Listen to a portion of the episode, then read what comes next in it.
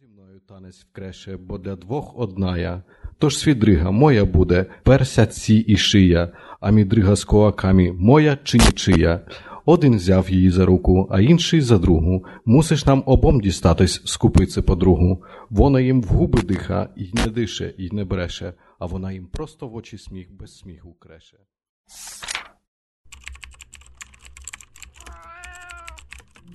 Na przykład podcast Stowarzyszenia Tłumaczy Literatury.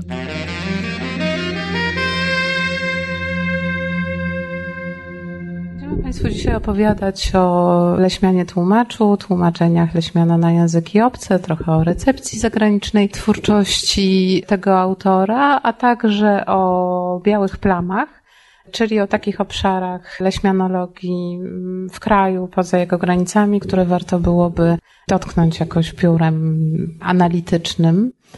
Jest dzisiaj ze mną pani Magdalena Ukrainec, która bada w pracy doktorskiej przekłady Leśmiana na języki czeski, słowacki, rosyjski i ukraiński.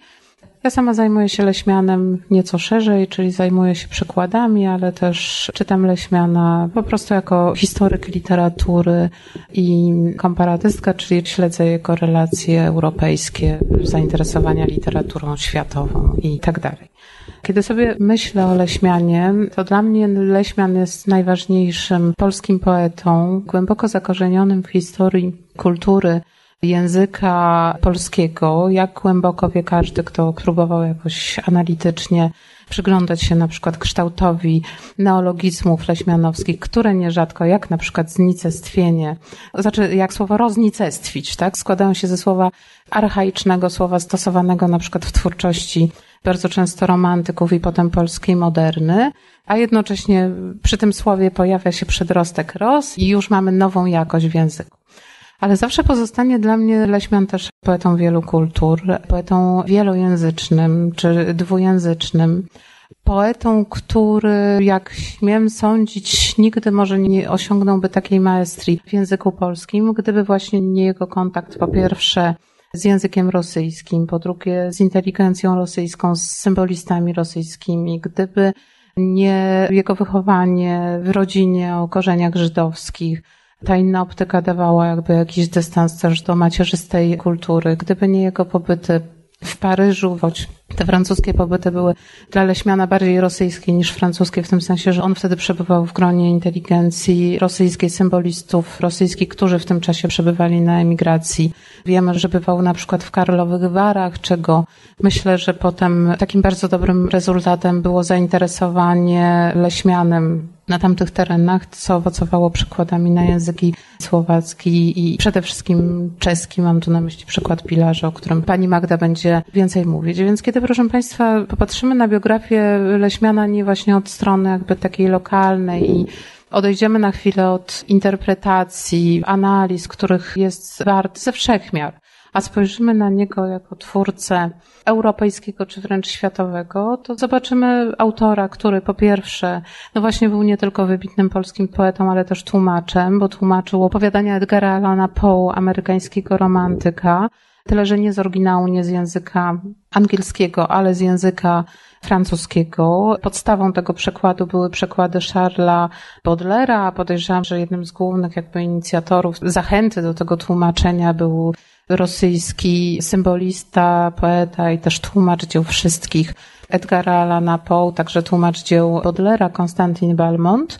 Ileśmian swojego wybiera nie poezję, a prozę, czyli te utwory, które dzisiaj brzmią dużo bardziej współcześnie niż dzieła poetyckie Edgara Alana Poe, które oczywiście w dalszym ciągu cechują się maestrią, ale słyszymy w nich taką po prostu wyraźną tonację romantyczną. Natomiast opowiadania brzmią bardzo współcześnie, nikt by nie powiedział, że powstały przed 200 niemal laty. I co ciekawe, wybiera Leśmian jako tłumacz z Edgara Alana Poe, to co później będzie jakby współdecydowało o specyfice jego twórczości własnej, a mianowicie wybiera nie na przykład opowiadania detektywistyczne, a teksty, w których dominuje estetyka makabreski, czyli taka estetyka, która łączy makabry znaną Państwu ze średniowiecza z estetyką groteski, która nam pokazuje doświadczenie śmierci, ale w jakiś taki sposób nieprawdopodobnie lekki. że nas ta śmierć, tańczący szkielet Jadwiżyn jakoś uleśmiana tak bardzo nie trwoży. No i oczywiście można by pytać, czy to epizod translatorski, to tłumaczenie Poego Uleśmiana, czy to skutkowało czymś w dalszej perspektywie. No i ja śmiem twierdzić, że właśnie odnalezieniem własnej, bardzo indywidualnej poetyki.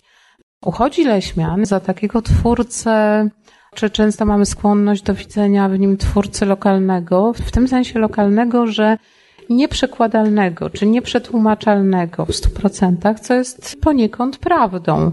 Ale tak samo jak prawdą jest, że James Joyce jest nieprzetłumaczalny, że Virginia Woolf jest nieprzetłumaczalna, inni wybitni autorzy, no, którzy w sposób trwały zapisali się w literaturze światowej. W związku z tym, jeżeli poprzestaniemy na konstatacji, że właśnie Leśmian jest autorem nieprzetłumaczalnym, czy też zanadto uwewnętrznimy stwierdzenie skądinąd jednego z najwybitniejszych polskich twórców przekładów, a mianowicie Stanisława Barańczaka, że Leśmian to koszmar tłumacza, no to stracimy jedno z największych naszych wspólnych dóbr kulturowych, więc będziemy Państwa od tego odwodzić. To znaczy, z jednej strony mamy świadomość, że tłumacz toczy walkę troszeczkę z niemożliwym, a z drugiej strony można by to właśnie przewartościować i za ukraińską poetką Marianną Kijanowską powiedzieć, że żeby przełożyć Leśmiana na język obcy, trzeba dokonać tego, czego Leśmian dokonał w polszczyźnie, a mianowicie stworzyć język w języku. Tak rozszczelnić reguły operowania słowem, łączliwością tego słowa, żeby powstała zupełnie nowa jakość. Trzeba być twórcą języka wewnątrz języka.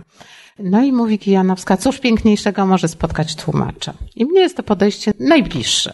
Nie koszmar tłumacza, ale właśnie dar dla tłumacza, żeby się mierzyć z tym, co stanowi największe wyzwanie, ponieważ zadaniem tłumacza jest dać swojemu językowi to, co Leśmian jako poeta dał polszczyźnie.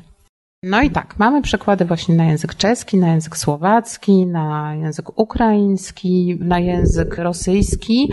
Na rosyjski w dużej mierze pięknie uporządkowane przez zmarłego niestety w tym roku Andrzeja Bazylewskiego, autora wielkiej antologii Bezludna Japałada. I mamy już uporządkowane w pewnym stopniu, ale to jest i tak przyrost wiedzy o 300%, tłumaczenia na język ukraiński, bo w tym roku ukazała się antologia Zmory wiosenne pod redakcją profesora Rostysława Radyszewskiego, dwujęzyczna, w której mamy wybrane tłumaczenia Bolesława Leśmiana na język ukraiński. No i ta antologia liczy ponad 700 stron. Podobnie zresztą jak ta antologia rosyjskojęzyczna Bazylewskiego, więc to jest jakby pozycja trudna do zlekceważenia. Są tłumaczenia na język białoruski. Leśmian funkcjonuje również w języku niderlandzkim, w języku niemieckim, w kongenialnych, nierzadko tłumaczeniach Karla Dedeciusa. Zresztą, kiedy Państwo zajrzą na przykład do notatnika tłumacza, to zobaczą Państwo, że z tłumaczenia wiersza Spojrzystość Dedecius, opisując jakby proces tłumaczenia tego wiersza, wręcz formułował swoje credo jako credo pracy tłumacza. Mamy całkiem sporo tłumaczeń Leśmiana na język hiszpański, język włoski, Także tłumaczenia poezji prozą mam tutaj na myśli tłumaczenia Milo de Angelisa, który założył czasopismo Niebo i twórczość Leśmiana w jakiś sposób tej pracy patronowała. Mamy dwujęzyczną antologię Samotność i inne wiersze w przekładzie Szoszany Radczyńskiej i, przepraszam, Ari Brunner, zdaje się. Musiałabym sprawdzić nazwisko, bo akurat niestety nie miałam tego tomu i nie znam hebrajskiego, ale wiem, że jest i ufam głęboko, że znajdzie swojego badacza.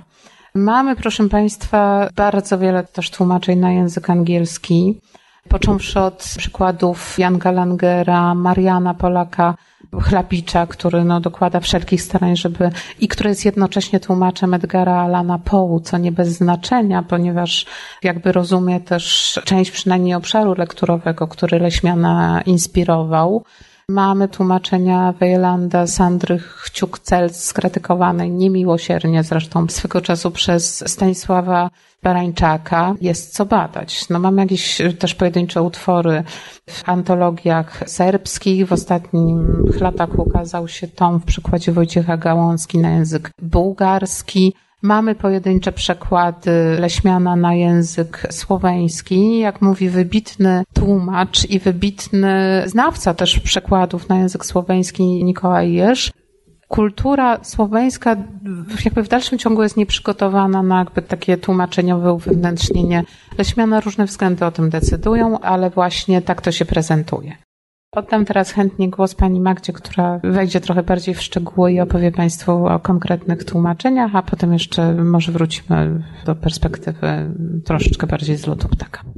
Przez całą moją polonistyczną edukację zajmuję się tłumaczeniami Leśmiana i ze względu na moje drugie wykształcenie bohemistki, na początku był to czeski i słowacki, a teraz doszedł jeszcze rosyjski i ukraiński, w związku z czym jest jakieś 8 lat badania tych przekładów. Chciałabym krótko opowiedzieć o tym, dlaczego jest on uznawany za twórcę nieprzekładalnego, ponieważ w takiej powszechnej świadomości pierwsze, co przychodzi do głowy, to są neologizmy, leśmianizmy, prawda? A to nie wszystko. Dopiero wtedy, kiedy zestawimy ze sobą oryginał i liczne tłumaczenia, nawet nie jedno, ale liczne na jeden język i na różne języki, okazuje się, że jest tam dużo, dużo więcej. Jest to tak duża maestria językowa, że w zasadzie nawet dla badacza jest ona zaskakująca. I tak nie tylko neologizmy sprawiają problemy w tłumaczeniu tłumaczom, ale na przykład rytm i rym Leśmiana, który jest jednym z głównych czynników, które powinny zostać przetłumaczone ze względu na to, że sam Leśmian przywiązywał do nich dużą uwagę. I teraz tłumacz musi wypośrodkować gdzieś tam swoją strategię i znaleźć sposób na to, żeby przełożyć rytm i rym a jednocześnie całe bogactwo semantyczne, które znajduje się w tych wierszach. I często jest tak, że któryś z tych czynników jest poświęcany na rzecz drugiego. No, tłumacze jakoś muszą sobie radzić w tych wszystkich zakrętach leśmianowskich. Poza tym metaforyka Leśmiana. On robi niesamowite rzeczy z metaforą, aktualizuje je, na przykład używając jakichś wyrażeń metaforycznych, które są zakorzenione w języku i nie odczuwamy ich już w zasadzie jako metaforyczne, poprzez dosłowne ich użycie okazuje się, że nagle zyskują drugie życie w tych utworach. Zmiany łączliwości składniowej, czyli na przykład czasowniki, które łączą się z zupełnie innym przyimkiem. I tutaj od tłumacza wymagana jest niesamowita maestria i znajomość języka również polskiego, ponieważ na początku trzeba zauważyć te wszystkie zabiegi a co dopiero przetłumaczyć je na ten język docelowy. Dlatego pani profesor mówiła, że tłumacz musi stworzyć oddzielny język w języku w zasadzie. Takie państwo w państwie, to jest napisane tutaj w książce. Jeśli chodzi o przekłady na czeski, słowacki, rosyjski i ukraiński, uważam, że ci tłumacze mają troszeczkę, troszeczkę ułatwione zadanie, ponieważ są to wszystko języki fleksyjne, jest to jedna rodzina językowa, ale na przykład już no, słowiańskie, słowiańskie, tak. Ale już na przykład tłumacze na język niemiecki na przykład, czy na języki germańskie mają bardzo utrudnione zadanie. W języku niemieckim dodawanie końcówek fleksyjnych, przyrostków nie powoduje takiego zaskoczenia, na przykład jak w języku polskim, tylko jest regularny rzeczownik, ponieważ w ten sposób są one tworzone w języku niemieckim.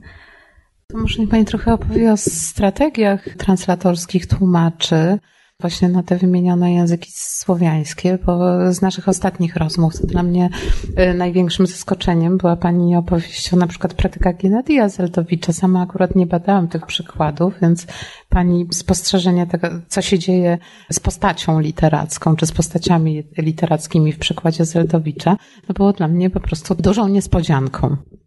Chodzi o przekład Jadwigi na język rosyjski, tłumaczenia właśnie Gennadia Zeldowicza. Pojawia się tam czerw który zjada powoli ciało Jadwigi. Ale jest to w ten sposób napisane przez Leśmiana, że my nie odczuwamy tego wcale jako coś strasznego, jako coś takiego makabrycznego, po czym okazuje się, bo świeżo wróciłam z Uniwersytetu Moskiewskiego, w którym miałam okazję sprawdzić, jak to tłumaczenie oddziałuje na studentów tam.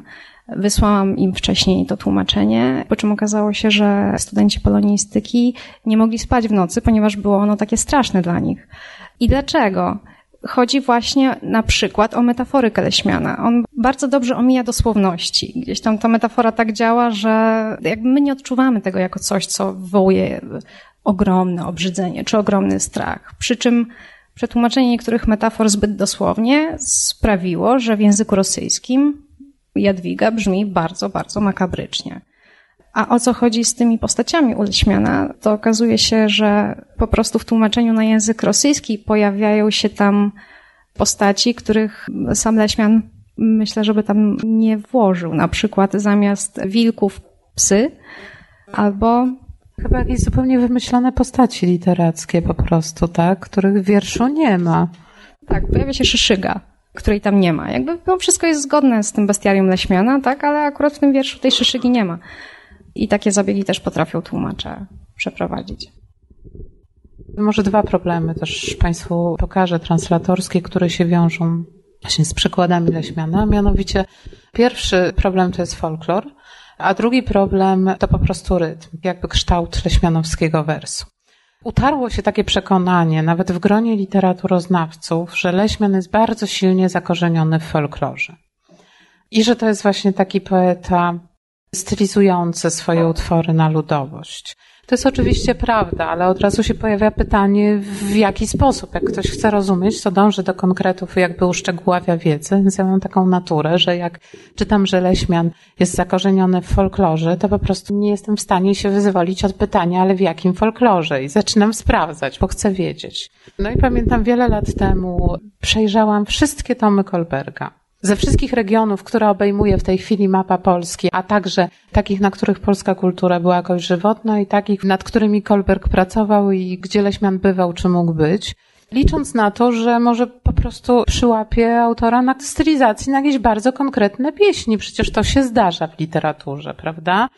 No i proszę Państwa, nic z tych rzeczy. Oczywiście można wskazać dosłownie kilka leśmianowskich postaci, które mają swoje pierwowzory w folklorze słowiańskim i gdzieś tam źródła w prasłowiańszczyźnie.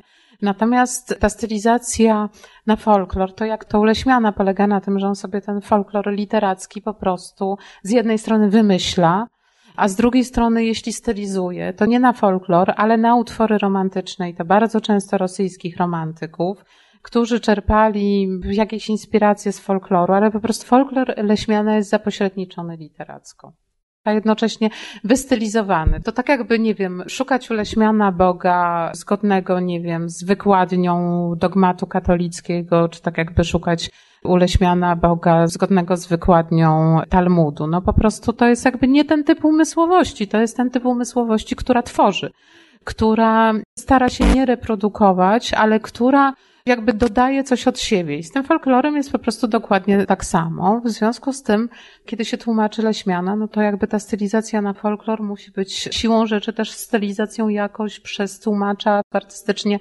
przetworzoną, czyli nie powinno się Leśmiana stylizować na jakąś jedną odmianę regionalną języka, krótko mówiąc. Jeżeli na przykład Leśmian rzeczywiście czerpie z folkloru, to nie jednego. Jest taka książka Stanisława Papierkowskiego, w której on analizuje bez żadnej interpretacji, ale po prostu robi takie dość suche zestawienie obszarów słownictwa, z których czerpie Leśmian. No i tam znajdziemy trochę rutenizmów, które potem się na przykład stały ukrainizmami. Znajdziemy trochę rusycyzmów, trochę białorutenizmów troszeczkę naleciałości z polskiego folkloru, pojedyncze czeskie słowa, ale to jakby nie świadczy, że to odsyła do jakiegoś całego, kompletnego, zamkniętego wzoru kultury. Jestem tego pewna, co mówię. To jest jedna rzecz. Druga rzecz, i to mi uświadomił znakomity polonista z Amsterdamu, Arend van Niekerken, Drugi jakby problem polega na tym, że są takie kultury, które odrzuciły folklor i które się wyparły folkloru i które zamazały wszystkie swoje z nim związki. No i na przykład w kulturze niderlandzkiej, w gruncie rzeczy, kiedy się tłumaczy tego leśmiana i chciałoby się tę stylizację folklorystyczną zachować, to jest bardzo duży kłopot, bo tak naprawdę nie bardzo się jest do czego w sensie językowym odwołać. No i, i co? No i znowu musi coś tłumacz wymyślić. Kiedy się tłumaczy hiperkreatywnych poetów, to niestety trzeba być hiperkreatywnym, czy się tego chce, czy nie. I drugi taki jakby ważny problem, najważniejszy może nawet, to jest problem, o którym wspominała pani Magda, związany z rytmem twórczości leśmianowskiej. Ci, którzy czytali szkice, eseje literackie, znakomite Leśmiana, zresztą w prześwietnej większości, to wiedzą, że dla Leśmiana najważniejszą taką kategorią myślenia o wierszu i taką kategorią wierszu twórczą był rytm. On dał świadectwo tej wagi w takich esejach jak rytm na przykład jako światopogląd, u źródeł rytmu, ale też znaczenie na przykład pośrednictwa w metafizyce życia zbiorowego, tam się też kategoria rytmu w twórczości leśmianowskiej pojawia. No i teraz pojawia się pytanie, jak wygląda wers wierszu, jak wygląda strofa i jakie są reguły wiązania słów. Problem jest tym większy, że Leśmian na dobrą sprawę wybierał najbardziej regularne rozwiązania wersyfikacyjne. To musiało brzmieć jak melodia, wręcz y, znamy ze wspomnień Wandy Leśmianówny, córki Leśmiana, taką opowieść, w której Leśmian piszący Świdrygę i Midrygę a tam jest też taniec dwóch opojów, śmiertelny, prawda? Zaczyna najpierw tańczyć, podskakiwać, coś tam sobie mamrotać i ona nawet podkreśla, że jakiś rytm wybijać, ale że to jest taki rytm, taki poety rytm. I dopiero potem pod ten rytm zaczyna podkładać słowa. I być może nawet było tak, że jak mu przyszło do głowy jakieś słowa, a mu się nie mieściło w tym rytmie, to musiał je jakoś jak plastelinę. Troszkę zmienić, troszkę nagiąć, z jednej strony pouciskać, z drugiej strony nagnieść, żeby mu się to w te ramy wersyfikacyjne po prostu zmieściło. Być może było to jedno ze źródeł tej wynalazczości Leśmiana, że chętnie wpisywał swoje utwory w tradycję wiersza sylabotonicznego. To jeden z bardziej regularnych poetów. Wszystko rymuje i wszystko musi być śpiewne. No i teraz pojawia się pytanie, to teraz jak tłumaczyć tego Leśmiana, na przykład na język rosyjski czy na język ukraiński, gdzie Chyba na język ukraiński wychodzi to prościej. Jak zaglądałam do przekładów, to są przekłady Rostysława Radyszewskiego, w którym jest próba zachowania trzynastozgłoskowca w języku ukraińskim. Natomiast na rosyjski to jest cała tradycja, dużo jakby dłuższa niż tradycja nawet tłumaczenia Leśmiana, zamiany tego wiersza sylabicznego, czyli tego, którego my brzmienie znamy z pana Tadeusza na przykład, na sylabotoniczny, który znakomicie pasuje do języka rosyjskiego i który tam osiągnął swoją maestrię. Ramach ciekawostki można jeszcze powiedzieć, że było bardzo dużo tłumaczeń na język rosyjski i jeden wiersz do siostry przetłumaczył nawet noblista Borys Pasternak. Zresztą jest to piękne tłumaczenie, ale nie jest to tłumaczenie wierne. Ale to chyba ogólnie się tyczy jakoś przekładów na język rosyjski, ponieważ, tak jak do tej pory udało mi się zauważyć, najbardziej odbiegają od oryginału. Tutaj tłumacze sobie rzeczywiście pozwalają na dużo, a jeśli chodzi o rytm, na przykład dla czeskiej tłumaczki, Wlasty Dworzaczkowej, rytm ona określała jako nić ariadny. Te tłumaczenia powstawały w ten sposób, że jak udało jej się przetłumaczyć jakiś fragment, a później nie miała pomysłu, odkładała go do szuflady, chodziła sobie z tym rytmem w głowie i dopiero po jakimś czasie wyciągała ponownie ten utwór i tam dalej pisała już zgodnie z tym rytmem, który powinien być. Dlatego te tłumaczenia na język czeski są całkiem dobre właśnie w Lasty Dworzaczkowej. A jeśli chodzi o folklor i problemy z przekładem, to skoro już wspomnieliśmy o problemach z przekładem albo pojawiających się szeszygach, czyli tych postaciach leśmianowskich, to na przykład w utworze Piła, który zaczyna się idzie lasem owa zmora, co ma kibić piły, zmora okazuje się niebywałym jakimś problemem dla tłumaczy na wszystkie języki. Na przykład w języku czeskim zmora, mura jednocześnie oznacza ćmę. Dlatego no, byłoby to problematyczne troszeczkę, gdyby szła lasem owa ćma, która ma kibić piły. Mogłoby to być bardzo mylące, tak, i prowadzić do niezamierzonego efektu komicznego. Zmora w językach rosyjskim i ukraińskim okazało się, że nie ma aż tak centralnego miejsca w tym bestiarium słowiańskim jak u nas i tam bardziej byłoby to tłumaczone na jakąś kikimorę albo coś w tym rodzaju. Aczkolwiek tłumacze też nie skorzystali z tej możliwości, a zastąpili ją potworem.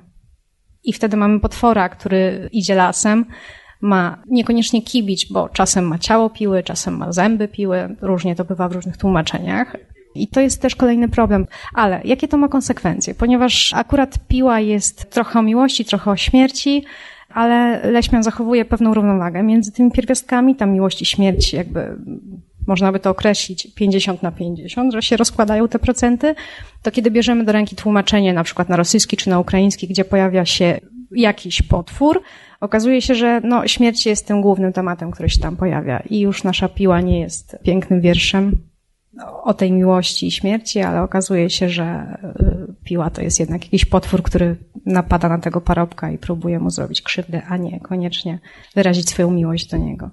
Z takich problemów.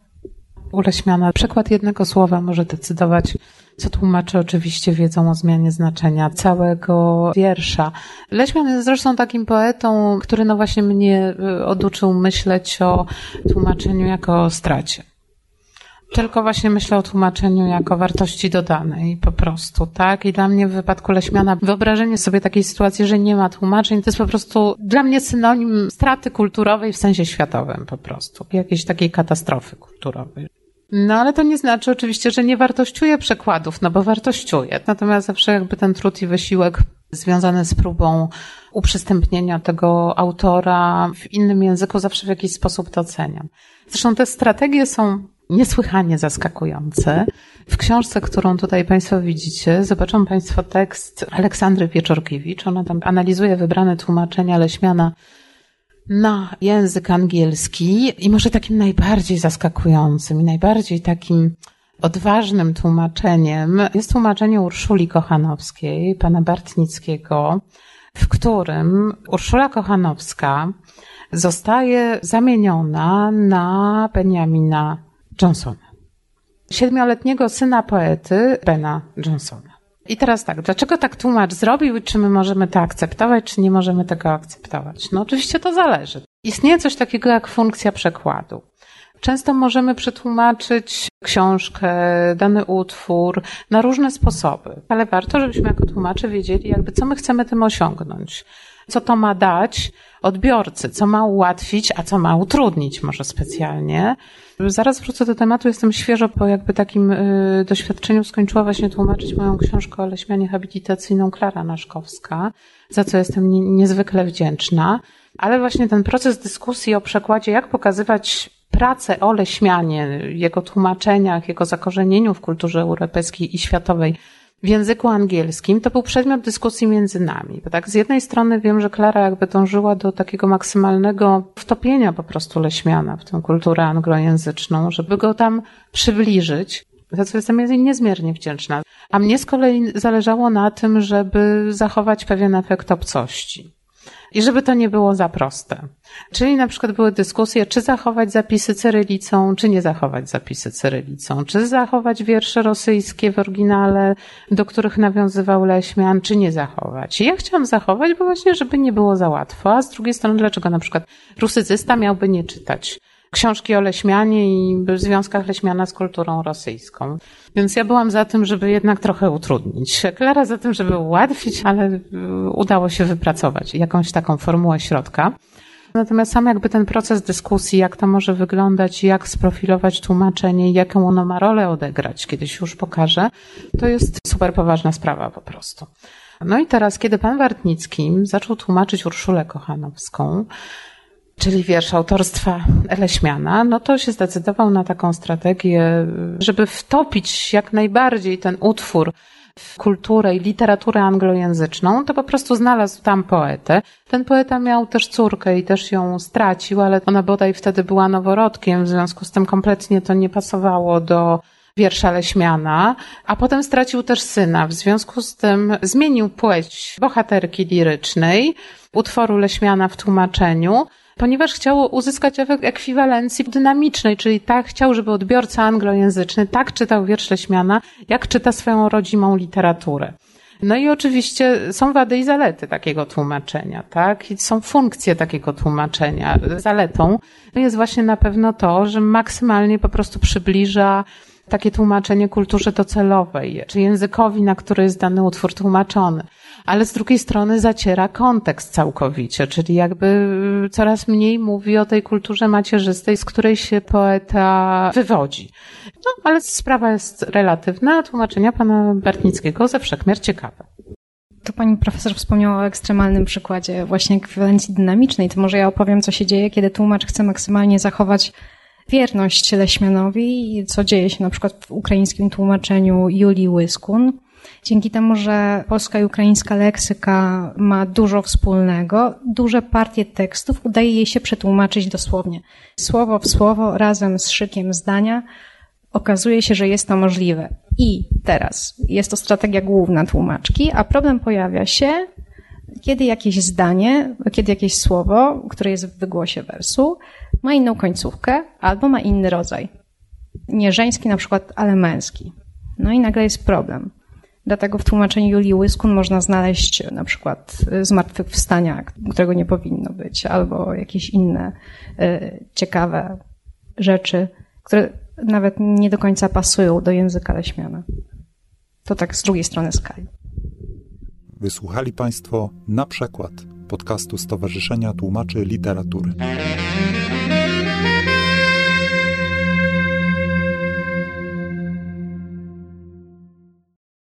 Мимолетность. Дребезжанье стекла от мушиного пляса, Взмывшей ласточки след на хрусталике глаза, Тень руки на обочине, все бестелесно, Все ничье, а возникнет и верит, воскресло. И уж так петушится на кромке безмолвия, Так отважно исходит лазурью и кровью, А само так мало, что не стоит и слова, Только фон, белый дым в оторочке лиловой воробьиных зрачках потонувшие дали, Мы с тобою в лесу были мглою, бывали.